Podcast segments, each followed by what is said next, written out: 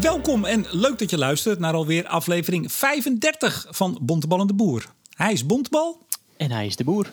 Wat ons is opgevallen in het nieuws en wat we daarvan vinden. Straks. Het Franse energiebedrijf EDF, volgens eigen zeggen de grootste producent van hernieuwbare elektriciteit in Europa, is zeer geïnteresseerd in het bouwen van een nieuwe kerncentrale in Nederland. Wat betekent dit voor de aangekondigde marktconsultatie en welke rol speelt het al flink verguisde ENCO-rapport daar nu nog in? Afgelopen maand presenteerde het PBL een nieuwe versie van de startanalyse aardgasvrije buurten. Een belangrijk instrument voor het aardgasvrijmaken van buurten. Wat staat er in die analyse? Wat is het grote verschil uh, met de vorige? Want het is er. En wat betekent die analyse nou voor het beleid ten aanzien van de warmtetransitiegebouwde omgeving? Bontebal, ik hoor het al, zit te popelen op zijn kleine stoeltje. Zo is dat. Ik ben altijd wel razend benieuwd naar je eerste vraag. Daar, zit ik altijd wel een beetje met angst en beven zit ik daarop te wachten. Wat, heeft, hij nou, wat heeft hij nou weer verzonnen? Hou je mond. We hebben het natuurlijk, uh, we hebben natuurlijk kort nieuws. Uh, zo wil het Europees Parlement uh, eh, 60% minder uitstoot in 2030, waar het doel nu nog op 40% staat. En de Europese Commissie pleit voor minimaal 55%. De Tweede Kamer wil aardgas uit Rusland minimaliseren en wil dat de regering meer gaat doen om het uit de Verenigde Staten te halen. De Verenigde Staten die vooral schaliegas exporteren. Schaliegas dat diezelfde Tweede Kamer in Nederland absoluut niet uit de grond wil halen. Dus. En GroenLinks kwam met zijn verkiezingsprogramma uh, en volgens Jesse Klaver horen wij zojuist, uh, werkt het ETS helemaal niet. Sterker nog, volgens mij bestaat het volgens GroenLinks helemaal niet. Daar gaan Bontebal en ik het zomaar eens even over hebben. Maar nu eerst, Henry, heb jij al gestemd op de Dutch Podcast Awards? Eh, ja, zeker. Ja, ik niet namelijk. Ik vind het te treurig om naar een website te gaan en dan aan te vinken Studio Energie, dan mijn mailadres in te vullen en dan mijn stem op mezelf uit te brengen. Dat vind ik, nee, dat, dat kan ik niet. Ja, nou, ik, ik heb het wel gedaan, maar op jou dan? Ja, nou ja, goed. Jij bent natuurlijk ook onderdeel van de Studio Energie uh, familie. Je hebt gewoon wat minder schaamte. Dat is het waarschijnlijk. Precies. En uh, ja, dat, dat, dat denk dat dat de analyse is. Ik, ik, ik schaam me er werkelijk niet voor om gewoon toch een beetje op mezelf te stemmen. Nou, heel goed. En ik, ik was uh, van de week de gast bij een van de concurrenten in onze categorie. Dat is Tech en Wetenschap. Dat is de podcast Met Nerds om tafel. En zoals ik onlangs al samen met jou in onze extra uitzending. Oh man, die is goed beluisterd. In de extra uitzending hebben we het erover over gehad. Van ja, als jullie ons nou genomineerd hebben, ja, stem dan toch ook maar. Want anders wordt het wel buitengewoon treurig als je iedere keer genomineerd wordt. Nou, onze concurrent met Nerds om tafel, hartstikke leuke podcast, podcast trouwens. Die zijn nu voor de derde keer genomineerd. En die jongens willen hem dus heel graag winnen. Ik zei ook tegen ze: jongens, dit is toch treurig dat je je zo te grabbel gooit. Dan moet je toch niks omgeven om zo'n prijs. Ja, maar ze gaven er wel om. Ja, heel erg. Ja, ja, nou, wij geven er helemaal niks om. Maar we willen wel iedereen oproepen om heel snel nog even te stemmen. Ja, dat kan tot vrijdag. Want echt, oh, onthoud ons deze ellende dat we ieder jaar dit soort geneuzel krijgen. Dus geef nou even die prijs, dan zijn we er vanaf. En dan kunnen wij nu ook weer lekker door naar de podcast. Precies, met uh, twee nerds om tafel zou ik zeggen. Exact. En uh, twee nerds samen met kernenergie en het bedrijf EDF. Dat wil uh, best een kerncentrale bouwen. Sterker nog, de, de vicepresident verantwoordelijk voor alle nucleaire projecten van het bedrijf... die zei in de Provinciaalse Zeeuwse Courant... we willen er dolgraag aan werken aan zo'n kerncentrale in Nederland als de regering ons uitnodigt. Nou, minister Wiebes die zei altijd, nou, ik zit met, met thee en koekjes klaar, maar ze komen niet. Hij heeft zijn eerste date binnen. Ja, nou ja, en het interessante was ook hè, dat diezelfde baas van EDF zegt dat hij al lang gesprekken had. En want hij zegt, uh, Nederland heeft al een ruim, ruim een jaar onze warme belangstelling. Wij volgen de maatschappelijke en parlementaire discussie op de voet dan zegt hij: We hebben vorig jaar op de algemene conferentie van het Internationaal Atoomenergieagentschap in Wenen met enkele vertegenwoordigers van jullie regering gesproken en contact gehouden. Dus, dus er is al heel lang contact. Al heel lang, een jaar. Ja. Dus dat is heel interessant. Ja, en, en, en Wiebes zegt maar: Ik blijf maar zitten met mijn thee en koekjes. Ja, ja maar ik denk dat Wiebes uh, eerst de, de, Nederlandse discussie een beetje wil opwarmen. Bijvoorbeeld door, door dat, uh, door dat ENCO-rapport. En uh, ja, hij gaat natuurlijk nu die marktconsultatie doen. En dan zal EDF uh, open en bloot waarschijnlijk wel gaan zeggen dat ze interesse hebben. Overigens in april dit jaar, dat is ook alweer een aantal maanden geleden, zei dezelfde meneer van, even kijken hoe die heet, Fakis Ramani, denk ja. ik als ik het goed uitspreek, die ja, vicepresident. die zei toen ook al in Technisch Weekblad, had een uitgebreid interview met hem. Ja, wij, wij willen wel. We zijn zeer geïnteresseerd in het bouwen van een nieuwe kerncentrale in Nederland. Ja, nou ja, kijk, um, um, het is ook wel logisch, want als EDF een bedrijf is wat kerncentrales bouwt, dan zal hij natuurlijk nooit zeggen dat hij er niet in geïnteresseerd is. Precies. Dus ja, natuurlijk is de beste man geïnteresseerd. Het zal er natuurlijk vooral om gaan, uh, ja, welk, welke voorwaarden legt hij neer en welk prijskaartje gaat hij eraan uh, hangen. Ja, en to toch even ook voor de luisteraars die denken EDF nooit van gehoord. uh, nou, inderdaad, een van de allergrootste elektriciteitsbedrijven in Europa. Ze zeggen zelf, ik zei het in de intro, dat ze de grootste uh, producent zijn van hernieuwbare uh, stroom. En dan hebben we dus niet over kernenergie voor de goede orde. Zij zitten ook zeer groot in, in waterkracht en zon en wind. Ja, Even Frans. wat getalletjes toch hoor, wel leuk. Omzet 71 miljard, 165.000 werknemers, 122 gigawatt productiecapaciteit. Goedemorgen, gaat u daar maar zitten. Precies, ja. Nou ja, en volgens mij die EPR-reactor, dat is volgens mij toch ook hun paradepaadje. Zeker, en dat, dus dat is... een soort, ja. nou ja, wel een, een nieuw soort technologie. Ze noemen het volgens mij nog wel de derde generatie kernenergie. Uh, maar dat, dat ding zou zeg maar, hun paradepaardje moeten zijn. En dat is volgens mij ook het, uh, het apparaat wat in Finland uh, gebouwd wordt. Um, alleen ja, helaas, de eerste versies zijn vaak nog duur. En dat is natuurlijk ook een van de punten die ze steeds zeggen. Van ja, weet je, het is de first in a kind wat ze dan noemen. Dus de eerste, degene, de eerste paar die je bouwt, die zijn nog duur. En dan loop je tegen allerlei dingen aan. En uh, dat zou moeten veranderen als je de meer uh, seriematig gaat neerzetten. Ja, zij zeggen inderdaad, het is onze vlaggenschip-technologie, de European Pressurized Reactor, EPR. Uh, ja, gebaseerd eigenlijk op de hoge druk waterreactor, de PWR. Ja, voor de kennis ja. koek. Ik dacht, ik zeg het maar even. Een type ja. kernreactor van de derde generatie dat water onder hoge druk, 155 bar, als koeling en moderator voor de neutronen gebruikt. Nou, zo, zo steek je toch weer wat op van deze podcast. Ja, van deze podcast voor nerds. hey, maar, maar, ja. maar, maar, toch even, hè. Uh, zij melden zich. Uh, ze zeggen ook. Uh, ja, er moet een kader zijn. Uh, het gaat ja. nog niet eens in eerste instantie nou zozeer om echt directe subsidie. Maar daar gaat het natuurlijk wel op neerkomen. Hè? Een, een basisbedrag. Zij zijn trouwens ook de jongens die dat uh, Hinkley Point C mede ja. bouwen. Ik geloof niet in hun eentje, maar wel een van mede. Flamanville. De, de, de Franse centrale. Een van die twee, jij noemde het Finland, of een van de drie eigenlijk, die inderdaad flink in de, in de ja, hoe zeg je dat? Uh, flink duurder ja, en ja. veel langer dan, uh, dan gedacht. Ja, dus het zijn wel jongens die uh, ze kunnen het wel. En ja. denk jij nou dat zal even, even serieus, dat zal een keer bij Wiebes hier gewoon in Nederland zijn langs geweest? Ja, tuurlijk. Dat denk ik echt wel. Ja, dat, dat, dat, dat, ik zou gok, als ik een gok moest wagen, zou ik zeggen, ja, die zijn zeker al langs geweest. Die man, ik denk dat Wiebes zich echt wel heeft laat, laten informeren door, door dit soort mensen. Want een kop koffie is natuurlijk echt niet zo heel ingewikkeld. En uh, ik, ik, vermoed dat, dat wat fracties, in ieder geval de VVD-fractie, dat, ook, uh, dat ook al gedaan heeft. En zou EDF. Maar ik weet het niet, hè? Ik weet het niet. Het is een nee, ik zal maar speculeren. Zou EDF ook geholpen hebben bij het opstellen van het ENCO-rapport, denk jij? Dat denk ik eigenlijk niet. Zo ziet het er niet uit, dat rapport. Dat het, dat het heel erg geholpen is met het opstellen. Vertel jij ja. even wat het ENCO-rapport is. Het is meer zo'n gevleugelde term. Ja, Ik zou een, een, een verguisd project of uh, uh, rapport. Vertel. Ja, er is een uh, rapport besteld door de Tweede Kamer. De Tweede Kamer uh, met de motie Mulder van het CDA en Jezulgus van VVD. Juni 2019? Ja, die hebben dus gevraagd om een rapport over nou ja, een, de, de, de, business case van een kerncentrale in Nederland. Nou is Enco Consulting een klein Weens adviesbureau wat, waarvan, de, waarvan de consultants bij het, uh, ook het atoomagentschap hebben gewerkt. Nou, en die, zij doen veel voor de nucleaire sector en zij hebben dus een soort adviesrapport opgesteld. Maar het is een heel algemeen rapport. Dus wat zij doen is ze halen hun bevinding uit allerlei andere rapporten. Hè, dus van het IEA, het IPCC, nou de hele rits van rapporten.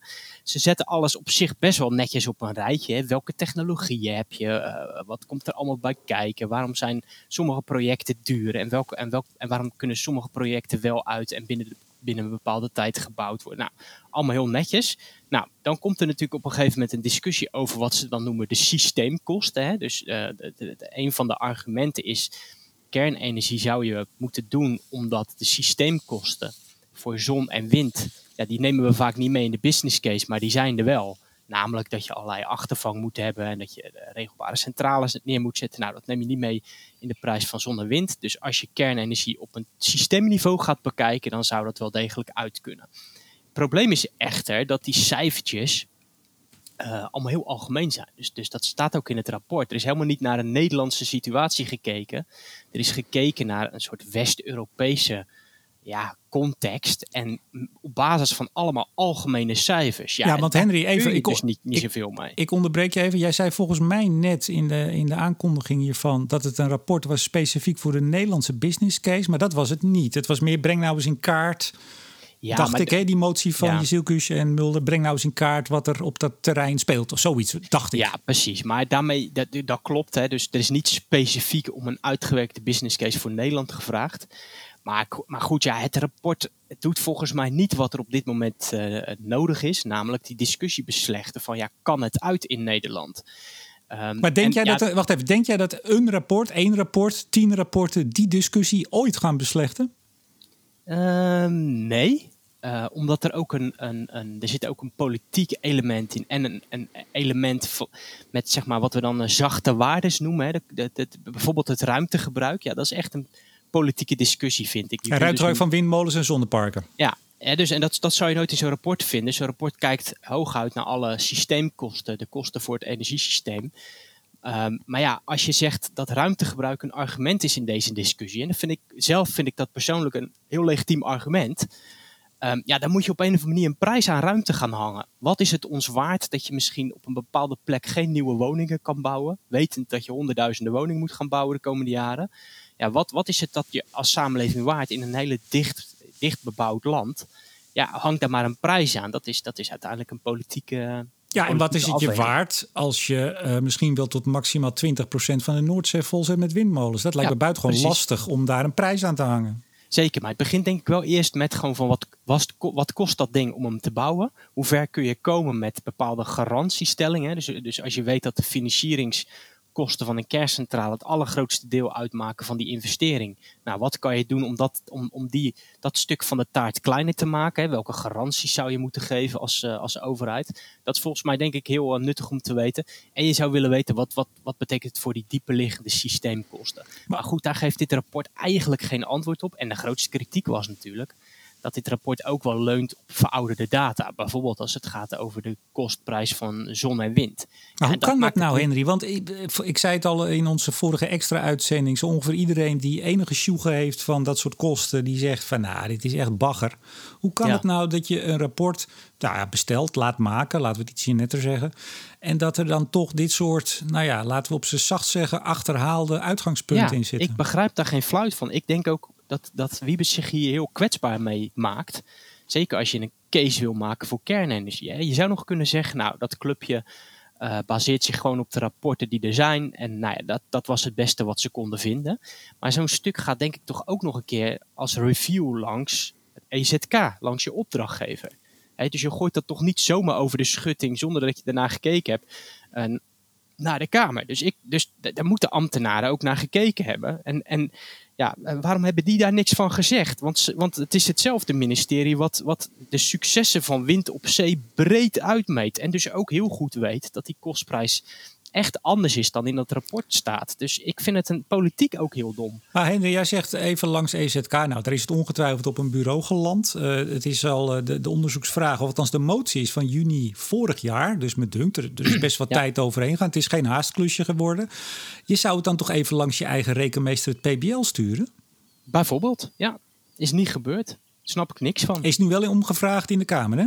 Ja, maar ja, dan, dan, dan is dat hele loopgra is die hele loopgravengevecht is, is al begonnen. Dus, dus, en en wat, wat, wat ik ook heel opvallend vind, nou ja, een paar dagen geleden was er dus een debat in de Tweede Kamer met een soort verzameld debat. Hè, dus dan, dan komen er heel veel onderwerpen langs in heel korte tijd. Maar natuurlijk stond kernenergie, uh, uh, nou ja, dat was, was een prominent onderdeel van het debat. Ja, en um, je ziet dus dat Wiebes eigenlijk gewoon dat rapport heel erg verdedigt. Dat hij niet eens zegt van, nou ja, ja het was misschien een beetje oppervlakkig of nee. Ja, maar dat kan hij ook niet maken natuurlijk. Ja, maar je kan toch gewoon zeggen van, joh, nee joh, dit is maar een stukje van de puzzel. We hebben het gevraagd. Dat, en maar dat zegt hij. Nee, maar dat zegt hij. Hij zegt, Ja. nou ja, hè, er komen nog heel veel meer rapporten en dan komen weer andere uitgangspunten en dan gaan we er weer naar kijken. Zo was zijn bezweringsformule. Zeker, maar hij had ook minstens kunnen zeggen dat er verouderde gegevens in, eh, in waren gebruikt. Dat heeft hij ook helemaal niet willen toegeven. Dus ik, ik, ik begreep zijn opstelling ook niet. Dus ik vind het een enorm gemiste kans, want die discussie over kernenergie, ja, dat, dat wordt dus toch weer een loopgravenoorlog. En dat vind ik echt, eh, echt heel jammer. Ja, maar als jij straks in de Kamer zit, in, de- in de, nieuwe Kamer, dan ga jij dat in, eentje, in je eentje ga je dat uit die loopgraven vlot trekken. Dat weet ik Zeker. Nou, maar wat ik mij verbaast is dat je dus, dat je dus Kamerlid bent en dat je dan eh, of in één keer gestrekt been meteen tegen bent. Terwijl ik dan denk, lees eerst het rapport, denk eerst even na. Of je bent ook gewoon klakkeloos voor, ondanks de onzin die erin staat. Ja, ik zou zeggen, volgens, ik, ben, ik ben persoonlijk niet tegen kernenergie, maar ik ben wel erg tegenstander van flutrapporten. Ehm, en ja, dit, ik vond dit niet best. Het past gewoon niet eh, goed in een, in een genuanceerde discussie over kernenergie, wat mij betreft. Om toch even in de Tweede Kamer te blijven. De Kamer heeft bij, eh, bij grote meerderheid eh, gepleit bij de regering, of eigenlijk aangedrongen bij de regering, om de hoeveelheid aardgas die we uit Rusland halen te minimaliseren. En in plaats daarvan dat ja, elders te halen. Bijvoorbeeld schrijft de motie letterlijk Rusland. En er staat er ook weer bij, ook al, al alternatieve energiebronnen. Vind ik altijd zo prachtig. Hè? Je kan geen discussie in de landen ingaan. Of er staat iemand op in een zaal die zegt... we moeten gewoon naar alternatieven kijken. Ja, Beste precies. college. Dus die laten we even gaan. Maar eh, concreet, meer eh, Amerikaans gas. Dat is, dat weet jij, meneer Bontebal. Dat, Dat, is, voor een belangrijk deel ja, schaliegas. overwegend schaliegas. Nou, ik heb daar ooit eens een boekje over geschreven. Drie jaar werk naar gedaan, eh, onderzoek naar gedaan. Over hoe eh schaliegas in Nederland. eh, ja, ik zeg altijd: je mag het woord niet meer uitspreken. Er is letterlijk een moratorium. Er is echt niemand te vinden in de Tweede Kamer die zegt. Schaliegas, dat moeten we maar eens doen. Eh, nou, misschien, eh misschien Forum, dat weet ik eigenlijk niet. Want die willen ook in Groningen dat we ja, die gewoon wilden door... gewoon lekker doorboren in Groningen. Maar goed, terzijde, de, een overgrote meerderheid in de Kamer die wil niets met schaliegas te maken hebben en pleit er dan voor dat we meer schaliegas uit Amerika moeten halen. Henry, Ja. ik had een klomp en wat dacht je? die brak. Ja, verdorie. Ja. ja, nee, maar ja. Er stond natuurlijk niet in de motie dat we aardgas uit Amerika gingen halen wat schaliegas was. Dat stond niet in de motie. Dus misschien dat er dan wel een slimmerik op staat die gaat zeggen... nee, we moeten alleen echt aardgas wat niet schaliegas is uit de VS gaan halen. Dus ze kunnen er vast een draai aan geven. Maar het is natuurlijk hypocriet in het kwadraat. Hè? Dus, dus zelf niet uit de grond willen halen, maar dan ga je wel zeggen... maar ja, dit is weer typisch het Nederlands beleid. Hè? Dus dan zeg je van we zijn tegen biomassa. En dan zeg je wel, maar oh ja, we willen wel alle wijken op de warmtenetten. En dat die warmtenetten dan eigenlijk voor, voornamelijk nu draaien op biomassa, ja, daar hebben we het dan maar even niet over. En zo, zo ook hier. Hè? Dus eh, we gaan hier kolencentrales dichtgooien om straks de stroom te importeren uit een ander land. We gaan hier geen schaliegas winnen, dan gaan we het ergens anders halen. Ja, en zo, eh, zo, zo, zo, varen wij in Nederland. maar, maar jij hebt altijd wel een, een aardig inkijkje ooit gehad. Je hebt er gewerkt en je hoopt er weer terecht te komen aan de andere kant van de, van de tafel, zou ik bijna zeggen. Ehm, dan is altijd de vraag, weten ze dit nou niet? Of weten ze het wel en denken ze, laat maar zitten. Hè? GroenLinks was ook voor deze motie. Nou, me dunkt GroenLinks eh, zat voorop eh, in de strijd tegen schaliegas. Weten ze het nou niet of denken ze, moi? Ja, vind ik lastig. Ik denk serieus dat een aantal het gewoon echt niet door heeft, helaas. Jij noemde net een tweetje over een, eh, een, een lijsttrekker die iets over het ETS roept. Ja, Maak hem maar even concreet. Dat is Jesse Klaar van GroenLinks. Ik heb daar eh, gisteren, als mensen dit horen, namelijk op maandag een tweetje over gemaakt. Die heeft in zijn podcast, er is een GroenLinks podcast. Ik, ver- ik vermoed een verkiezingspodcast. Jesse en, en dan spreekt hij, gaat hij met mensen in gesprek. Hoewel hij vooral zelf veel aan het woord is. Maar ja, dat is lo- logisch als je je eigen podcast hebt.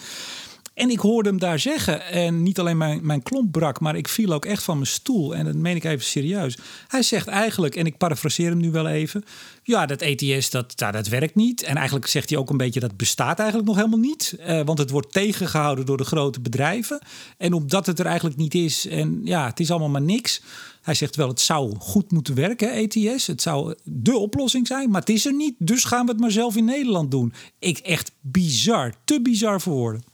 Ja, ja, ik vind het ook eh, vrij ontluisterend. Kijk, en zo iemand die gaat straks wel de onderhandelingen in. Hè, die gaat dus met dit soort kennis onderhandelingen doen over waar het klimaatbeleid in, Nederland naartoe Ja, dit soort kennis, dit soort verzinsels. Want weet je, en ik, ik vergelijk Jesse Klaver nu niet inhoudelijk uh, op geen enkele wijze met meneer Trump. Maar de aanpak, het, ik zou bijna zeggen, het Trumpisme, dat je gewoon een eigen werkelijkheid uh, schetst die totaal niet klopt met de realiteit. Even voor de luisteraars: uh, het ETS zorgt dat de ETS-sectoren, industrie en de energieproducenten in 2030 op min 43% zitten. Dus 43% reductie. Dat is gegarandeerd, want meer rechten zijn er niet. We gaan nu in, de, in Europa, daar gaan we het zo nog even over hebben, naar 55, 60 procent. Nou, dat ETS moet dan mee, dat gaat ook mee. De bedrijven vinden dat ook prima, die pleiten daar ook voor. Doe dit uh, in Europa, in het ETS. Uh, eh, en dan zeg je gewoon, nou, dat is niet zo. En dat ga je gewoon volhouden. En wij roepen hier dan nu, en ook op Twitter zag ik een aantal kenners die zeiden: ja, waar, waar gaat dit nog over? Maar ja, dat zal uh, Jesse Klaver en de partij, en dat zullen andere partijen op hun manier ook doen. Die hebben daar maling aan, want die gaan naar de grote getallen in de podcast, in hun bijeenkomsten. En ja, maar ik denk dat ze het oprecht niet weten. Jawel, jawel. Tuurlijk. Nee.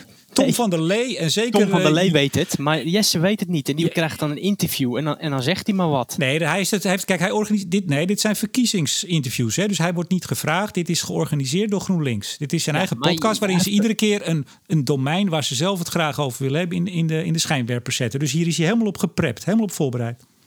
Ja, ik, ik, ja, ik, ik, zie, ik denk niet dat er echt dat, dat hij kwaadwillend een frame neerzet.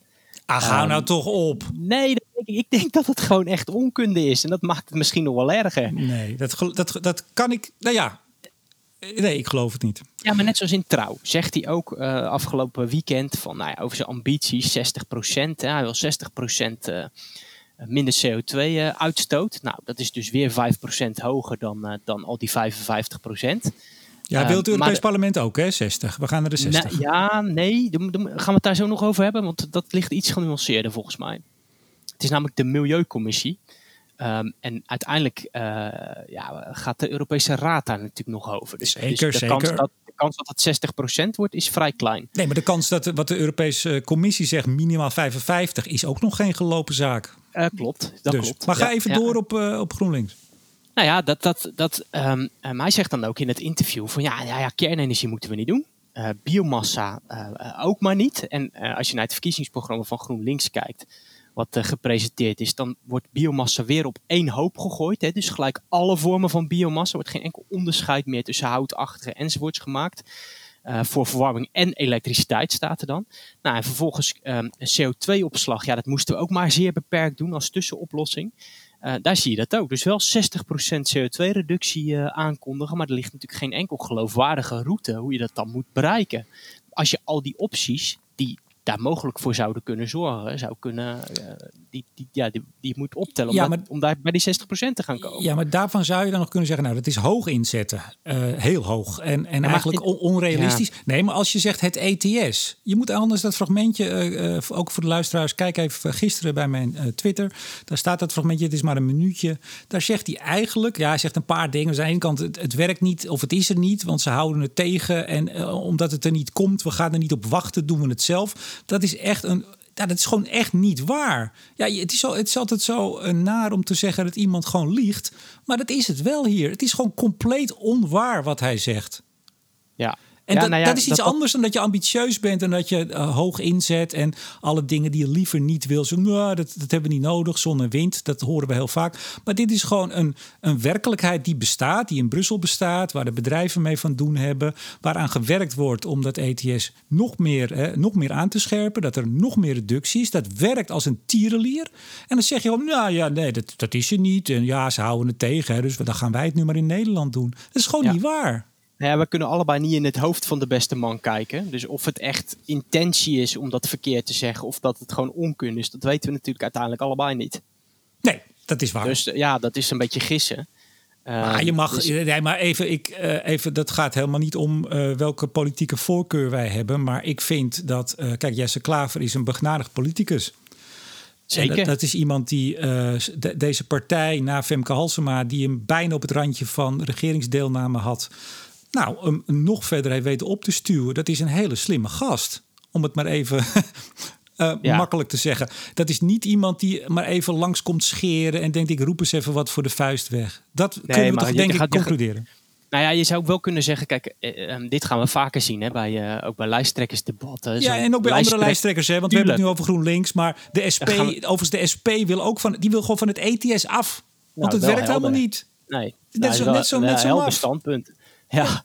Nou ja, kijk, je, kijk, straks ga je wel allemaal lijsttrekkers krijgen die natuurlijk van alle onderwerpen iets af moeten weten. Dus dat, dat er dan af en toe iets gezegd wordt wat gewoon uh, niet helemaal klopt. Ja, dat vind ik, dat moet je misschien ook weer nee, niet ho, ho, Henry, Henry, wacht even. Alleen de SP, dit is natuurlijk wel... De SP schrijft dit. Nee, ik ga nu. De SP schrijft dit in zijn, in zijn... Nee, die hebben dat opgeschreven in hun... Volgens mij is het nog concept verkiezingsprogramma. Ja, ja, ik, ik duid even niet op het verkiezingsprogramma. Deze bedoel... podcast van, van Klaver is zelf voorbereid. Hij is niet ineens in de wandelgangen voor een microfoon getrokken en moest improviseren. Dat, ik wil, dat nee, dat onderscheid moeten we even maken. Oké, oké point taken. Goed maar ik wil nog wel even zeggen dat bij die lijsttrekkersverkiezing gaat dat natuurlijk wel gebeuren. En dat kan je ze ook niet helemaal kwalijk nemen, omdat je, ja, je moet van 101 dingen dan verstand hebben als lijsttrekker. Dus dat een lijsttrekker af en toe eventjes net er iets naast zit. Volgens mij nee, dat, niet, dat gebeurt ons allemaal. Gebeurt zelfs jou. Ja, precies. Nou, maar je zou wel kunnen zeggen, moet het niet van een partij wat zich voorstaat op groen, moet, dat niet, moet, moet, moet daar dan niet wel extra uh, ja, moeten die niet extra geïnformeerd zijn hè, als je op dat punt zo profileert. Henry, laten we dit afsluiten. Wij kunnen alle twee niet in het hoofd van Jesse Klaver kijken. Het is een begnadigd uh, politicus, maar klimaat is inderdaad een van de hoofdthema's uh, van de partij. En ik denk, maar dat is inderdaad, dat is mijn observatie, ehm, dat uh, ze zich zo hard hebben gemaakt met een aantal andere partijen voor die CO2-heffing in Nederland, dat je het op een gegeven moment gaat omdraaien. Dat je een, een, legitimatie zoekt om hem toch in te voeren, terwijl hij zelf zegt: ETS zou het beste zijn zou, om het Europees te doen. Ja, en dan. Kom je, dan ontkom je niet aan dat je zegt: ja, maar we willen de CO2-heffing in Nederland. Ja, dus hij werkt niet in uh, Europa. En dat is gewoon niet waar. Goed. Ja, ik, heb nog, ik heb nog een uh, hypothese die ik bij je wil testen. Ja. Over, over GroenLinks. Um, over ook die 60% in het verkiezingsprogramma. Dus ze zeggen 60% CO2-reductie. Ik zat er van het weekend eens over te pijnzen. Van ja, hoe, hoe kan dat nou? Hè? Dus, dus dat, waarom komen ze met zo'n doel? Nou, je kunt natuurlijk zeggen, um, klimaatverandering nemen ze zeer serieus. Nou, dat, dat, denk ik ook zeker. En dat is ook denk ik heel erg goed. Hè? Dus dat, je dat, dat, dat zo'n urgent onderwerp, dat je dat zo belangrijk maakt. Tegelijkertijd dacht ik stiekem ook wel van ja, weet je, die partij gaat in zijn verkiezingsprogramma nu eigenlijk helemaal terug naar zijn kern dus groen en links. Dus het is een heel links verhaal en een heel groen verhaal. Ehm, maar je ziet natuurlijk dat de afgelopen jaren andere partijen dat groene steeds meer ook overgenomen hebben. Dus er, is, er zijn maar weinig serieuze partijen die ehm, het, hele, het hele probleem van klimaatverandering bagatelliseren. Iedereen wil eigenlijk uh, hoge doelen. Nou, er zitten natuurlijk een paar partijen zoals uh, D66 enzovoorts die ook voor dat soort percentages als 55% eh, pleiten. Dus op een gegeven moment heb je daar dan als groene partij niet iets extra's meer te bieden. Dus je hebt gewoon te veel concurrentie op het thema wat, wat jouw kern was, waar, waar jij je identiteit op bouwde. Dus het enige manier waarop je dan nog je kunt onderscheiden, is dat je gaat overtroeven, omdat je anders overbodig bent. Daar hebben we het vorige keer over gehad in de reguliere uitzending. Toen zei ik, je gaat zien dat ze elkaar gaan overbieden. Ja, van je hebt het voorspeld. Ja, maar dat is precies wat. Maar dan kan je op je vingers natellen. Dit wordt alleen maar erger. Maar ik ben wel benieuwd, wat, dat, wat zegt dat over, zo'n, over, de, over, de, over de levensvatbaarheid eigenlijk van GroenLinks? Want het kan ook zijn dat, dat kijk, iedereen snapt wel van ja, je kunt altijd hoger gaan zitten. Hè? En als er geen geloofwaardig verhaal onder zit verder, ja, dan, dan, dan zak je op een gegeven moment door de mand. Want de volgende kan ook zeggen, ja, doe maar 70% of 75% of 100%. Ehm, je zou ook kunnen zeggen dat het een beetje, een beetje een wanhoopspoging is om toch nog relevant te zijn op dit thema. Wetend dat heel veel andere partijen, en dat is misschien ook wel weer een klein beetje het succes van GroenLinks, uh, dat andere partijen dit thema nu allemaal massaal hebben overgenomen. Ja, nou dat, dat, dat laatste zeker. Hè. Alle partijen die, uh, en ook uh, andere organisaties als NGO's die hier al veel langer en veel harder voor pleiten, die mogen dat uiteraard op hun konto schrijven. maar je zei net, ja, of ze dan door de mand vallen. Kijk, dat is natuurlijk het aardige van hoge percentages en ook volstrekt onrealistische. Uh, daar krijgen we het straks misschien nog even over bij gemeenten die elkaar uh, hebben overboden de afgelopen jaren in wanneer ze van het aardgas af zullen zijn. Op het moment dat blijkt dat dat totaal niet kan, uh, schrijven ze dat toe aan ambitie en optimisme. En ja, wie gaat dan nog eens zeggen dat het voor geen kanten deugt? Van hoe kon u dat nou ooit verzinnen, dit soort idioterie? Zeg je nee, maar we waren optimistisch. Dus je valt er niet mee door de mand. Het is eigenlijk een beetje, zoals dat zo mooi heet, een loterij zonder nieten.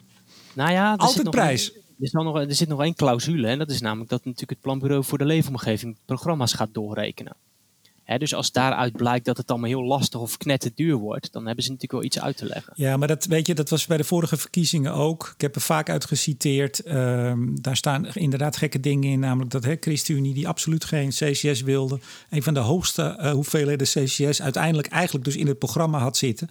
Daar maalt niemand om. Wij hebben het erover. Misschien is een tweetje, misschien is de in-crowd, maar het grote publiek, de stemmers, die krijgen dat helemaal niet mee. We gaan door. We gaan door. Het is uh, vandaag, nu wij dit opnemen, op dit moment. En als mensen dit horen, is het gisteren of nog langer geleden. Klimaatdag. En waar ik nou zo teleurgesteld over was. Uh, maar ja, ik wil het toch maar even bij jou voorleggen. Dat uh, er waren uiteindelijk 25 sessies, aanvankelijk moet ik zeggen. En uh, ik geloof dat er nu zo'n 14 doorgaan, 11 niet. En er is er eentje afgelast, onder andere. Die heet de weerbarstige praktijk. afgelast. Is dat, nou, is dat nou mooi? Is dat goed? Of is dat, ellendig? Ja, dat, dit is er wel eentje in de categorie, uh, zeg maar, zoals filosoof Herman Vinkers wel eens gezegd heeft de cursus omgaan met teleurstellingen gaat vandaag helaas niet door. Zo klinkt het wel een beetje. ja, ja, mooi, mooi. Nee, maar, maar, maar toch, het was wel grappig, want uh, er staat dan op de site van uh, Klimaatakkoord, hè, zeg maar de CER-club, Ed Nijpels en uh, consorten. Er staat daar nou, we hebben een aantal sessies in verband met de coronamaatregelen, die zijn afgelast. Uh, het viel mij wel op dat er toch opvallend veel uh, optimistische titelsessies wel doorgingen. Maar dat terzijde. Maar een paar weken geleden keek ik ook op die website hoe het programma ervoor stond. En toen waren ook ongeveer nog de helft van de sessies helemaal niet ingevuld. Daar stond overal bij. nog ter, ter invulling ik heb zo'n vermoeden, maar, maar, dat kan ik niet hard maken. Dat het uh, misschien ook wel uitkwam dat ze deze niet door hebben hoeven laten gaan. Want ze waren nog helemaal niet georganiseerd uh, kort geleden. Ja, aan de andere kant, ja, kijk, uh, ik denk dat ze ook niet verwacht hadden toen ze deze dag gingen organiseren dat het, dat het zo zou lopen. Dus maar het is virtueel ja. allemaal. Het is allemaal virtueel. Ja, ja, ja, ja. Maar kan, je toch nog, kan je toch nog wel een Zoom-accountje aanmaken? Ja, maar ik snap ook wel dat je je programma even flink omgooit als alles digitaal moet. Nou ja, weerbarstige maar praktijk het afgelast. het is me wel mooi dat de optimistische uh, sessies zijn overgebleven. Want volgens mij is dat ook wel een signaal. Namelijk dat we wel wat optimisme kunnen gebruiken als het over Nederlands energiebeleid gaat. Oh, ik wou nou door naar het volgende onderwerp, maar ik vind dit nou weer een rare zin. Nee, natuurlijk had zo. Het is. nou, knip, nou, knip nou hebben, het, nou hebben we het net over. Bij, bij, bij GroenLinks met het ETS hebben we het over uh, een totale uh, verkeerde voorstelling van zaken. We hebben het over optimisme en over ambitie. En ik zei net, in die gemeentes was dat vaak gewoon je roept maar wat en het is altijd wel leuk en dan krijg je misschien wel de handen voor op elkaar. Maar je moet toch juist bij zoiets moet je het over de weerbarstige praktijk hebben. Nou, laten we maar hopen dat het ook in al die sessies toch misschien wel aan bod komt. Tuurlijk, en we hebben ook goede voorbeelden nodig om, uh, om lekker bezig te blijven. Nee, maar er, was, er is een sessie, uh, we hebben zitten nu op 49% 2030 reductie. Daar koersen wij op. Nou, dat gaan we nooit halen, maar goed. We moeten nu naar de 5. En was een van de sessies, uh, tandje erbij voor 55%. Weet je hoe groot de tand dat is? dat is een hele bek vol. Dat is een hele bek vol. En miljarden kostende tanden. Ja. maar dus dat tandje erbij voor... Ach, nou ja, goed. We gaan door. Zeg, de startanalyse aardgasvrije buurten. Nou, dat is jouw onderwerp. Hè? Vorige maand kwam dat uit, rapport. Uh, eigenlijk een nieuwe versie van de startanalyse die er uh, vorig jaar al was. En volgens mij begint dit jaar ook weer een soort update. Dus het is een levend document, zeggen we dat dan. Ja. Uh, de nationale kosten staan daarin van de vijf strategieën om zonder aardgas uh, woningen en bedrijfsgebouwen te verwarmen. Ja. Nou, uh, wat, wat, is, wat was jou het meest opgevallen toen je hem las? Ja, nou ja, dat is, inderdaad, het is een, een, een rekenmodel van het planbureau. Waarin ze eigenlijk gemeentes de mogelijkheid geven om per wijk te kijken van wat is nou een optie om die wijk aardgasvrij te maken. En wat zijn nou de kosten die daaraan hangen. Ze hebben vijf routes routes met uh, volledige elektrificatie, met uh, warmtenet, twee stuks. En dit jaar ook met groen gas en waterstof. Hè. Dus dat zijn um, ja, wijken waar je dan een aardgasnet, of een gasnet moet ik dan zeggen, een gasnet behoudt. En waar dan op termijn bijvoorbeeld met groen gas of waterstof verwarmd kan worden. Nou, in 2019 is die eh, startanalyse al uh, gemaakt. Hè? Dat is dus naast dat die documenten die jij noemt, uiteindelijk is het gewoon een website waar je op kan kijken. En waar je gewoon, dat is heel mooi vormgegeven. Per wijk kun je kijken wat, wat de opties zijn en wat eruit komt. Dus, dus ik heb zelf een aantal gemeentes geanalyseerd. Nou, dan kan je gewoon zien van pak bijvoorbeeld een gemeente Krimpen aan de IJssel of een gemeente Sliedrecht, zoals ik bekeken heb. En dan zie je gewoon, als je op een wijk klikt, wat de opties zijn. En welke kosten. Maar wat, de, het, wat, wat natuurlijk gebeurd is, is men heeft aan de achterkant zitten sleutelen aan dat, aan dat model. En um, dit is geen poging om het, zeg maar meteen geen poging om het PBL in discrediet nee, maar te brengen. Wacht heel even, hou dit even vast. Ik, ik lig nog even toe dat in het klimaatakkoord is afgesproken dat er eigenlijk wordt gekeken naar wat is nou de, de, de, de kosten, meest optimale uh, manier om van het gas af te gaan.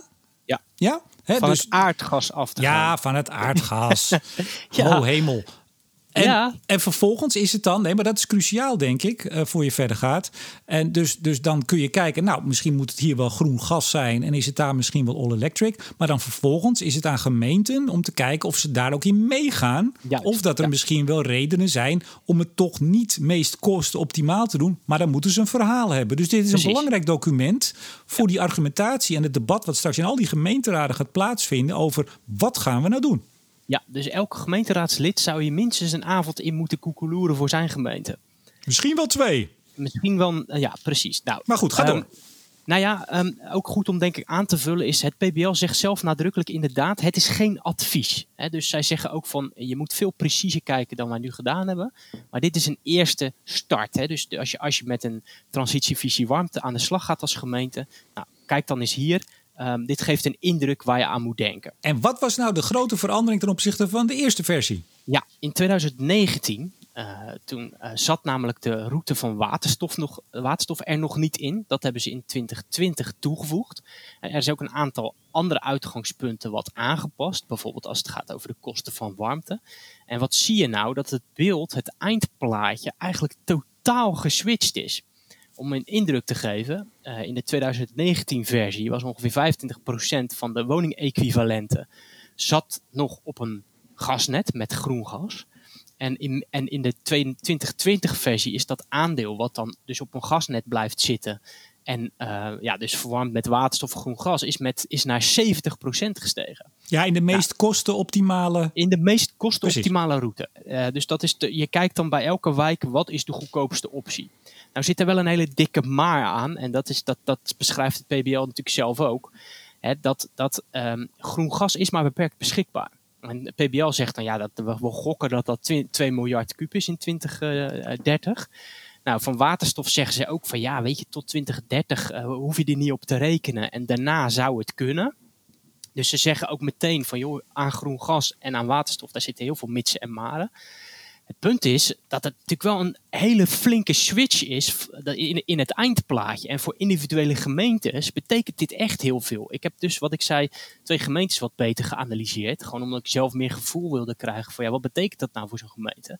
Gemeente Krimpen en Sliedrecht. Ja, dan zie je dus dat het, dat het eindplaatje echt er totaal anders uitziet. Nou, wat moet je nou als gemeente als jij een transitievisie warmte aan het maken bent? Ja, wat moet je dan met dat enorme verschil? Ik, ja, ik, ik kan me voorstellen dat de moed een beetje in je schoenen zinkt. Omdat je eigenlijk gewoon niet heel goed meer weet waar je, waar je goed aan doet. Maar waar, waar komt dat verschil uh, door? Want ik moet zeggen, ik heb zelf ook even contact met PBL gehad. Want eh, groen gas, uh, vooral groen gas toch, komt er ineens heel veel beter uit. En dat ja, blijkt dan ja. dat de kosten die ze aanvankelijk raamden per kuub groen gas in 2019 flink ja. hoger lagen dan nu. Precies, uh, maar het is een combinatie van uitgangspunten. Hè. Dus wat ik meen te zien is dat ook uh, de kosten voor warmte zijn ook uh, toegenomen. Ze hebben dat preciezer berekend en daardoor zijn die kosten toegenomen. En ook waterstof. Wat bedoel je met de kosten voor warmte? Voor warmtenetten? Warmtenetten, sorry. Ja, warmtenetten. Dus projecten met collectieve warmtenetten. Um, en daarnaast is natuurlijk de optie waterstof toegevoegd. Uh, en die, en ja, die, die zat er eerst gewoon niet in. Dus die gaat ook een stuk van de taart uh, meenemen. Dus, maar het, het, is, het, het, het, valt me heel erg op dat daar bijna geen ophef over is geweest. Terwijl als je ergens nou eens een flink debat over zou moeten hebben, dan zou het toch over dit, dit verhaal moeten zijn. Ja, want jij twitterde ook. Uh, met met name, want ze hebben er nog een apart stukje waterstof, heel veel eigenlijk een apart document hebben ze zelfs gemaakt, ja. uh, toegevoegd. Precies. Jij twitterde zo van, nou lees even wat hier staat. Hier staat, haal de gasnetten niet uit de grond. Ja, en dat, ik moet ook eerlijk zeggen, ze hebben, ze hebben natuurlijk uh, eigenlijk onderbouwing aangeleverd voor wat ze in die startanalyse doen. Dus het PBL heeft een document onder andere over hoe ze waterstof nou meenemen. Dat is echt een heel keurig document. Heel goed uitgezocht, heel veel uh, bronnen. Het is echt, echt robuust verhaal, zou ik zeggen. Uh, ja, heel gedetailleerd. Dus je moet eventjes uh, je schrap zetten om alles te lezen. Maar dat is echt de moeite waard. En daarin zeggen ze inderdaad, ik zal even letterlijk citeren, veel is nog onzeker, maar gezien de mogelijke toekomstige beschikbaarheid van waterstof lijkt het no regret om het huidige aardgasnet voorlopig nog niet te verwijderen, tenzij andere opties nu al de voorkeur heb, hebben. Nou, dat vind ik een heel genuanceerd standpunt. Maar ja, in alle, in alle um, ja, hevigheid van discussie willen dit soort genuance, genuanceerde standpunten nog wel eens uh, ondersneeuwen. Maar het PBL zegt hier eigenlijk van ja, er is nog heel veel onzekerheid, ook over met name de beschikbaarheid van groen gas en waterstof. Dus laat die gasnetten nog maar even liggen, want uh, misschien dat je over vijf jaar of tien jaar veel beter weet uh, wat de stand van zaken is. En dan kun je dan tegen die tijd verstandige opties, verstandige keuzes maken. Ja, en eigenlijk wat volgens mij nu al impliciet een paar keer langs is gekomen, is PBL. Maar ik ga hem toch even expliciet maken. Want we uh, in verschillende, op verschillende momenten hebben wij alle twee, soms jij en soms ik, wat meer kritiek gehad op het PBL. Wij vinden dit uh, buitengewoon goed gedaan. Ja, nou ja, ze zijn heel zakelijk. Dus, dus uh, ze zeggen van ja, wij hebben een Als jij nog gewoon even zegt, ja, dit hebben ze gewoon heel goed gedaan. Dit hebben ze heel goed gedaan. En met name dat, die, die onderbouwing van het rapport over waterstof was ik erg over te spreken. Ze zijn ook denk ik heel erg open. Hè? Dus ik heb ook achter de schermen nog wel wat discussies met het PBL. Dus je kunt gewoon mailen en vragen stellen. Dan krijg je hele nette antwoorden terug.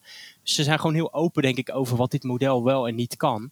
Het punt is natuurlijk wel van ja, we moeten met z'n allen in, uh, in, de, in de gemeente beleid gaan maken met die warmtetransitie. En ja, de, de, de, panelen verschuiven nogal. De uitkomsten zijn echt, echt heel verschillend. En hoe ga je dan als gemeente, als je dat weet, als het beeld van 2020 zo anders is als 2019, hoe ga je dan een robuuste transitievisie warmte maken? Uh, dat lijkt me echt heel erg ingewikkeld als gemeente. Overigens, um, wat wou ik nou zeggen? Ik wou iets zeggen, er staat puntje van mijn tong. Dat heb ik niet zo gauw. PBL, ik weet niet meer. Nou, je hebt het over verschuivende panelen. Laten we daar anders even op doorgaan. Ja. En wat mij is opgevallen, en ook daar vond ik heel weinig aandacht voor, dat in toch even, uh, ja, dit is de onder de motorkap kijken, wat jij doet. Jij zit hier ook in. Oh ja, ik weet alweer wat ik wou zeggen. Dit is toch niet, hoop ik, omdat het allemaal in jouw straatje te pas komt, deze conclusies van het PBL, hè, dat je het een goed rapport vindt. Uh, nee, nee ik, ben, ik ben volledig zuiver op de graad en geheel objectief. goed zo, goed zo. Hey, nee, maar, ik heb best wel wat opmerkingen er ook nog over. Dus er zijn echt best wel een aantal dingen die ik zelf anders zou willen. Ja, maar, maar, maar goed, tuurlijk. Als jij het rapport had gemaakt, was het veel beter geweest. hey, we gaan even niet. door naar die schuivende panelen. Want zowel Maarten van Poelgeest, die nu toch uh, verantwoordelijk is voor het uitvoeren van het klimaatakkoord als het gaat om gebouwde omgeving, oftewel van aardgas af. Ik ja. zeg gewoon van gas los. Uh, die is daar verantwoordelijk voor, voor de uitvoering. Nou, die kwam met een reflectie, alweer een maandje geleden. Uh, minister Ollongren, die kwam onlangs met een lange brief. Die op dit moment, als wij dit bespreken op maandag... Uh, nou, straks begint een AO, hierover ja, onder andere. Ja. En daar vond ik dus echt dat heel weinig aandacht is geweest voordat eigenlijk de weg die we de afgelopen jaren leken in te slaan, wijkgerichte aanpak, Hup, gasnetten eruit, uh, woonlasten neutraal, noem maar op. Uh, dat dat eigenlijk allemaal terug wordt. Nou, nee, niet ja. terug wordt gedraaid. Dat is ja. niet het goede woord. Maar we gaan helemaal terug naar een, eigenlijk een hele redelijke, rationele, veel rustiger benadering. Waarbij ja, betaalbaarheid voorop staat, ja. minder dwang. Uh, ja, die anderhalf miljoen woningen, 230 zijn van Poelgeest een paar maanden geleden. Ja, nou, daar lig ik niet zo wakker van. Het gaat me meer om de aanpak. We gaan eigenlijk helemaal terug. Wijkgericht is niet meer zaligmakend. Mensen moeten niet gedwongen worden, moeten stapje voor stapje. Beetje isoleren, ook goed. Echt een totale koerswijziging. Ja, uh, ja, maar dan wel omvloerst opgeschreven. En, ja. en, en, wellicht dat het daardoor niet zo uh, duidelijk wij, werd. Wij hadden het door, Henry. Wij, wij wel. Wij, wij, ja, de nerds. Nee, maar um, ja, dat was fascinerend, die brief. Dus er werd nergens gezegd van... we gaan een andere koers of het moet anders... of we hebben de afgelopen jaren gemerkt dat. Nee, het, was, het paste eigenlijk allemaal nog in het klimaatakkoord. enzovoort. maar, maar degene die wat beter lazen die hebben natuurlijk heel goed door dat in die brief uh, over de gebouwde omgeving, de voortgang van het klimaatakkoord, dat daar echt wel, daar worden gewoon uh, beleidswijzigingen ingezet. En dat zal echt wel stapje voor stapje gaan. Dus de volgende brief zal daar weer op voortborduren en weer een paar graden switchen. Maar je ziet hier gewoon langzamerhand een kentering in het, in het beleid van BZK en EZK op het gebied van de gebouwde omgeving. Dus het gaat inderdaad verder afstaan van die ja, alle ballen op de wijkgerichte aanpak. aanpak. En het gaat inderdaad ja, meer naar een meer stapsgewijze aanpak. Met ook uh, veel meer aandacht voor andere routes dan uh, collectieve uh, warmte. Bijvoorbeeld die hybride route. De route van de hybride warmtepomp met duurzame gassen komt nu opeens eindelijk wat prominenter bovendrijven. En ik denk echt dat is heel verstandig dat, dat BZK nu elke keer een paar graden gaat draaien. Want het, het moet ook echt anders dan dat het nu gaat, denk ik. Ja, en de, en de vraag is alleen, en dan kom ik nog even met iets waar ik al een paar weken mee bezig ben en waar ik ook de luisteraars wat meer bij wil gaan betrekken. Is de schade die is aangebracht door het beeld wat nou, zo vanaf 2016, 2017 is ontstaan. Dat we als de sodemieter uh, van het gas af moesten en het liefst uh, bijna letterlijk die, die leidingen de grond uit zouden moeten gaan trekken. Heeft dat beeld niet al te zeer tot verzet geleid en dat mensen de hak in het zand zetten. Daar ben ik dus bang voor. Want hoe begon dat? Nationale Klimaat op 2016. En uh, wie op Twitter zit en mij volgt, die weet hier al iets van. Dat vind ik dus fascinerend. Uh, daar is op een gegeven moment uh, paste dus de klimaattop. En dat was Bring Paris Home. Breng Mooi. Parijs thuis. Thuis. Ja, en uh, dat was dus het vorige kabinet, kabinet Rutte 2, met de PvdA en VVD. En uh, Sharon Dijksma, staatssecretaris toen van uh, Waterstaat. Nee, Milieu en Waterstaat was het hè, toen. Hoe heette het toen? Ja, ja infrastructuur, milieu. Infrastructuur en milieu, precies. Um, nou, die, uh, die was ook gastheer, of gastvrouw moet ik zeggen, samen met premier Rutte. En die gingen daar echt, en dat zei de minister ook in het persbericht wat aan het eind van de dag uitkwam. Nou, we, gaan, we hebben vandaag laten zien dat we heel veel kunnen bereiken. Concrete acties, als we samen hè, de schouders eronder zetten. 17,6 megaton reductie was daar opgehaald. In even een dagje congres, hè, nou, Henry? In Rotterdam. Nou, was het Rotterdam? Dat kan van alles, dat weet ik. Precies. Geen maar, woorden, maar daden. Wie een beetje in de, in de megatonnen thuis is, die weet dat dat echt heel veel is. Maar vooral benadrukten ze dat het concrete acties waren en dus ook concrete toezeggingen. Nou, bijna 90% van die 17,6 kwam voor rekening van drie acties. En één daarvan, en dat is een interessant en daar gaat dit over, was dat zoals Ecovis, uh, het, het bureau wat, uh, of Ecoris, nou ben ik in de war. Ik heb het verkeerd opgeschreven. Volgens mij Ecovis. Ja, Ecovis, pardon. Ja, Ecovis. Uh, die hadden een rapport gemaakt om al die initiatieven die daar gelanceerd werden uh, door te rekenen. En zijn nou, drie daarvan uh, hebben echt heel veel potentie. Die zorgen voor de megatonnen. Dat was dat 70 gemeenten en twee provincies ja, hadden getekend tijdens die top voor een aardgasvrij gebouwde omgeving in 2035. Bedoeld, ja. hè? Dat was vlot. Dat was minder dan 20 jaar. En ik ben, uh, ik mag niet meer zeggen waar ik aan werk, maar ik ben ergens uh, aan het, van, van meneer Bontebal, ik ben ergens voor aan het werk. En toen dacht ik, goh, ik ben toch wel eens benieuwd welke gemeentes dat waren die daarvoor durfden te tekenen toen al. Hè? Want het beeld bestond ook. Uh, voor die top, kort na die top, dat we echt wel in 235, 230, sommige gemeentes wilden nog eerder van dat gas af waren, dat aardgas. Nou ja, nogmaals, iedereen die mij volgt weet het al een beetje. Ik kan dus nergens vinden welke gemeentes dat zijn. En ik ben er inmiddels toch wel achter uh, dat ik voor bijna 100% zeker weet dat er helemaal geen gemeentes getekend hebben voor aardgasvrije gebouwde omgeving in 235. Prachtig. Maar wie ja. heeft het dan wel getekend? Waren dat een soort mystery casts nou, die, die gewoon ingehuurd zijn bij een, eh, bij een, bij een, eh, een acteurs bedrijfje of zo? Nou, nee, kijk, er, is, er hebben daar die dag hebben uh, inderdaad ongeveer 70 gemeenten. Later is het geloof ik nog een beetje aangebost. Die hebben een manifest getekend. Ja. En ik heb met een flink aantal van de hoofdrolspelers uit die tijd heb ik inmiddels uh, gesproken. En daar is al vrij snel in de aanloop naar die eh, klimaattop in oktober 2016 is gezegd, nou, er komt geen jaartal in, want nou, dat, je, je weet hè, hoe, hoe, specifieker je wordt, hoe, hoe, meer, hoe, minder mensen zullen tekenen. Want die, die, die knijpen hem dan, die komen dan bij de, bij de gemeenteraad terug en die moeten zich dan verantwoorden. Dus het was meer nou, de inzet, we gaan van het gas af, hè, uh, een soort, nou ja, soort uh, stimulansmanifest. Ja. Maar niet concreet dat je binnen 20 jaar je aardgas uit je gemeente gaat halen. Nou ja, en ik denk, maar dit is echt een hypothese. En uh, ik heb al heel veel verzoeken ook gedaan om mij informatie te geven. Of, of gemeentes die zich konden melden. Uh, of ze nou getekend hadden. Ik denk dat er op een gegeven moment is gezegd, want er, er was heel erg gestuurd vanuit de Rijksoverheid op die klimaattop. Hè. Het heette niet voor niks Nationale Klimaattop. Ja. Rutte was echt gastheer met uh, Dijksma. Uh, concrete actie, bring Paris home. Er moesten tonnen op tafel komen. En ik denk, ik vermoed, maar nogmaals, ik herhaal het. Dit is echt een vermoeden van mij. Dat er is gezegd, jongens, we moeten. Hè, aan een manifest kan je niet rekenen dat je het wel wil gaan doen ooit. Hè? Dat, bedoel, dat kan je niet rekenen. Dus er moet, iemand moet gezegd hebben, nou, zeg maar 2,35. En nou, ik heb inmiddels bij het, uh, het, uh, de opvolger van uh, INM, het huidig ministerie, waar nu staatssecretaris ehm, van Veldhoven natuurlijk zit. Ja, ik ben daar natuurlijk begonnen. Ik zeg, nou ja, het is onder jullie verantwoording gemaakt. Zij waren opdrachtgever. Uh, hoe, wie hebben er nou getekend? Hoe zit dat? Nou, daar kom ik niet verder om het uh, een lang verhaal kort te maken. Want uh, de mensen die eraan werkten, die, die zitten er niet meer. Het is naar EZK over. Ik heb met EZK contact. Nou, daar sta ik nu nog in de, in de afwachtstand. Maar we zijn alweer een paar weken verder. Ik heb ook met het bureau contact opgenomen. Maar het is al twee keer overgenomen, Ecovis. Dat, is nu, dat is nu Guidehouse. En ze hebben ook geen Nederlandse website meer. Dus ik heb via uh, de, de, de corporate website aan de PR-afdeling nu al twee mails gestuurd. Uh, met deze vraag. En ja, van wat zijn de onderliggende stukken? Nou, die reageren niet. Zoals ook nog een aantal andere uh, mensen die het zouden kunnen weten, niet reageren. Dus ik, ik, ik loop tegen gesloten deuren en hekken aan inmiddels, Henry. Ja, maar er zal vast wel ergens een luisteraar zijn die, uh, die, die dat wel weet. Kijk, wat ik. Uh, je kan dit. 4000 luisteraars is er echt wel iemand die, die, die jou achter de schermen even de, de, de feiten wil toespelen. Nou ja, kijk, nogmaals, ik, ik weet wel inmiddels dat er geen 70 gemeentes getekend hebben. Dat is gewoon niet waar. Het is dat manifest. En iemand heeft op een gegeven moment gezegd: joh, zet maar twee, zeg maar 2,35. Dan kunnen we rekenen. Want ze zijn echt gaan rekenen met aantal woningen, CBS-getallen. Dat staat er ook bij. Dus ze zijn gewoon gaan rekenen.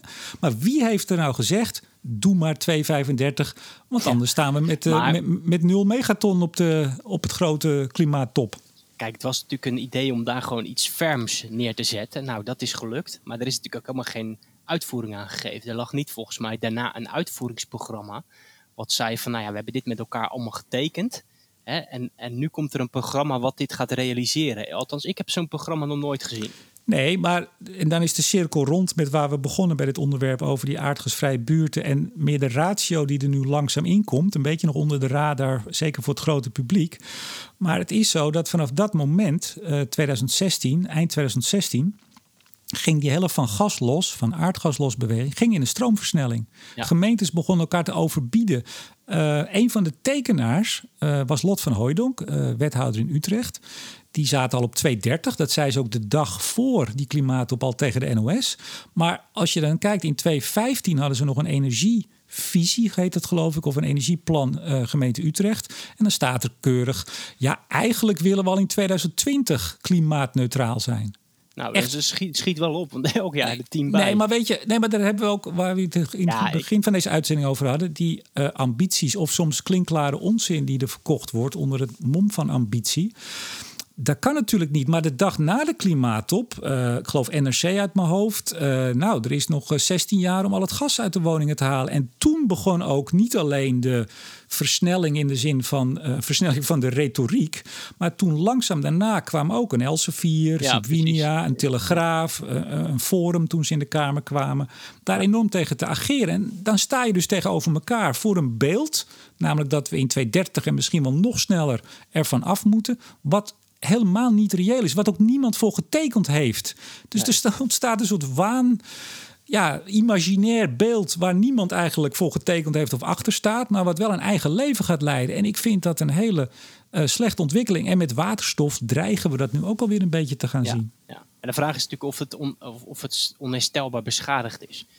En dat, weet vraag, ik dan, ja. nee, dat weet ik dat dan ook, niet. ook, weer niet. Omdat ik denk, ja, weet je, dit, dit gebeurt natuurlijk uh, al decennia lang op ook heel veel andere beleidsterreinen. Ja, weet je, er is een bepaalde drift om te scoren. Dan gaan we hele hoge doelen neerzetten. Hè, dus het klimaatbeleid van de afgelopen, afgelopen decennia zit daar vol mee. Um, en dan daalt er op een gegeven moment wat meer realisme in. Dan worden ervaringen opgedaan. En dan worden met lang, langzamerhand worden ook de doelen wat, uh, wat realistischer. Ja, maar dus, en, ik, dus, nee, ja, sorry. Nou ja, dus in die zin uh, uh, slecht. Het, het, moet niet gebeuren. Uh, tegelijkertijd denk ik ook, je ziet nu wel weer dat het realisme er, wat meer in komt. En dat er dus ook ja, eh, bij het ministerie eh, ja, wat meer eh, eh, realiteitsbesef komt. En dat ze dus het beleid ook stapje voor stapje wel een beetje de, de, de betere kant op gaan sturen. Ja, maar ik, Dus ik, vind jou, nu- ik vind jou nu toch al een beetje als een politicus praten. Ja, nou dat, dat is goed. Nou, dat weet ik niet. Maar waarom vind je dat? Nou, ik vind, we, we hadden het net over Jesse Klaver, die, die eigenlijk zegt dat hele ETS, ja, dat bestaat eigenlijk nog niet. En daarom gaan wij het maar doen hier in, in armoede, omdat ze het in Europa niet doen en de bedrijven tegenhouden. We hebben de SP die zegt, nou, het hele ETS, doe maar op, werkt toch niet.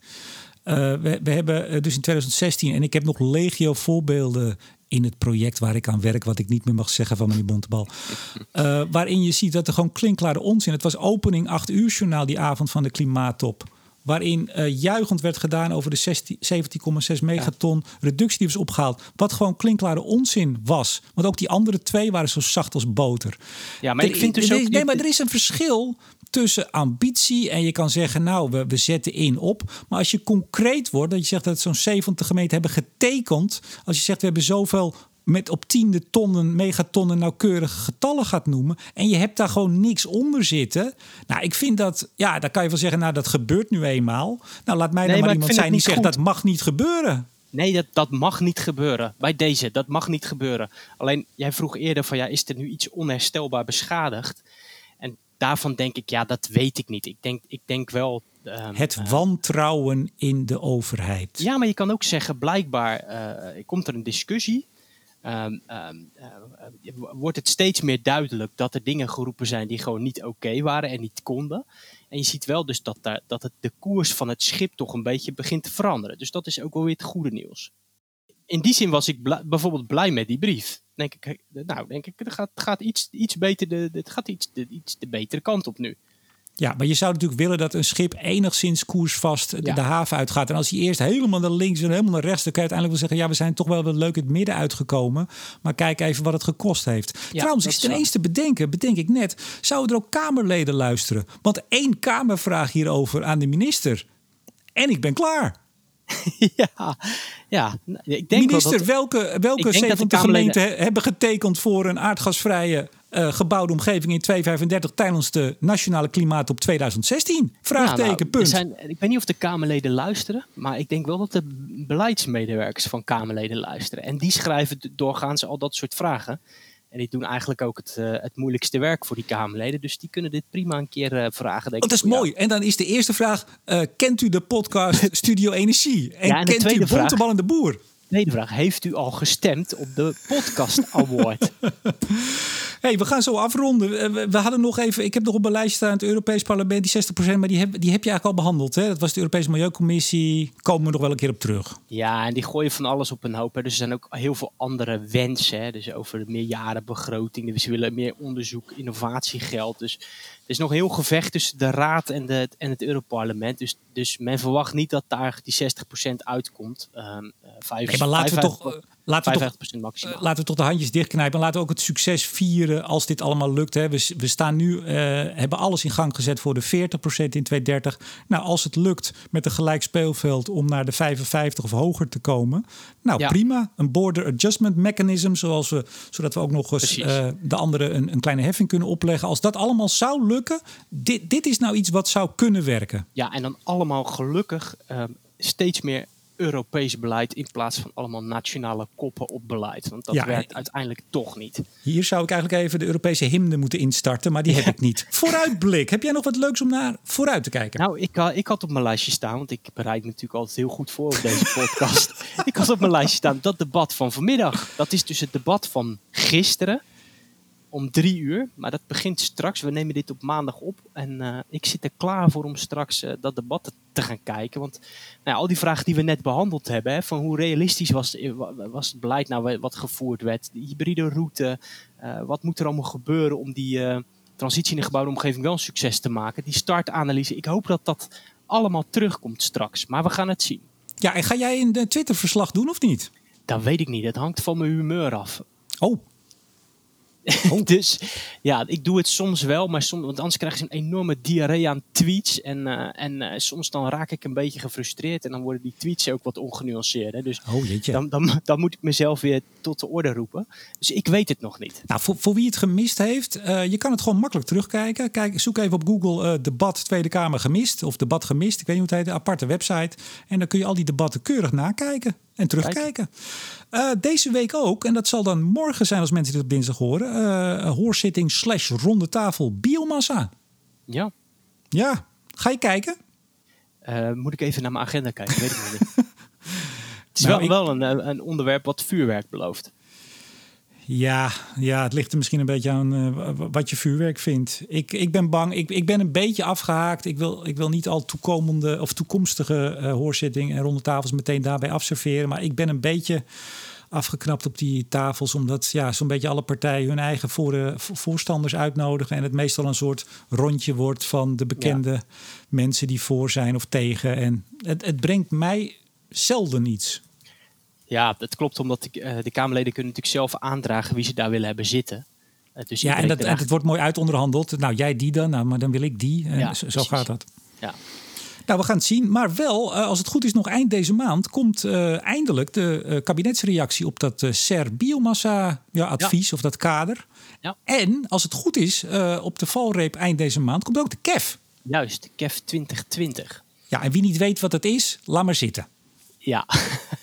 daar, daar hebben we het TCT nog wel eens over. Ja, en als het goed is, maar dan moet ik nog een slag om de arm houden. Kijk ik nog deze week uit naar een podcast die ik ga maken. En het heeft iets met aardgas te maken. Maar hij is nog niet opgenomen, dus ik hou dan altijd even slag om de arm. Want ja, voor hetzelfde geld gaat het niet door. Jij nog iets? Laatste woorden? Nee. Nee, ik heb alles gezegd wat er gezegd moest worden. Kijk aan, dan zeg ik tot zover deze aflevering van Bontebal en de Boer. Hij is Bontebal. En hij is de Boer. Tot de volgende keer. Dag. Música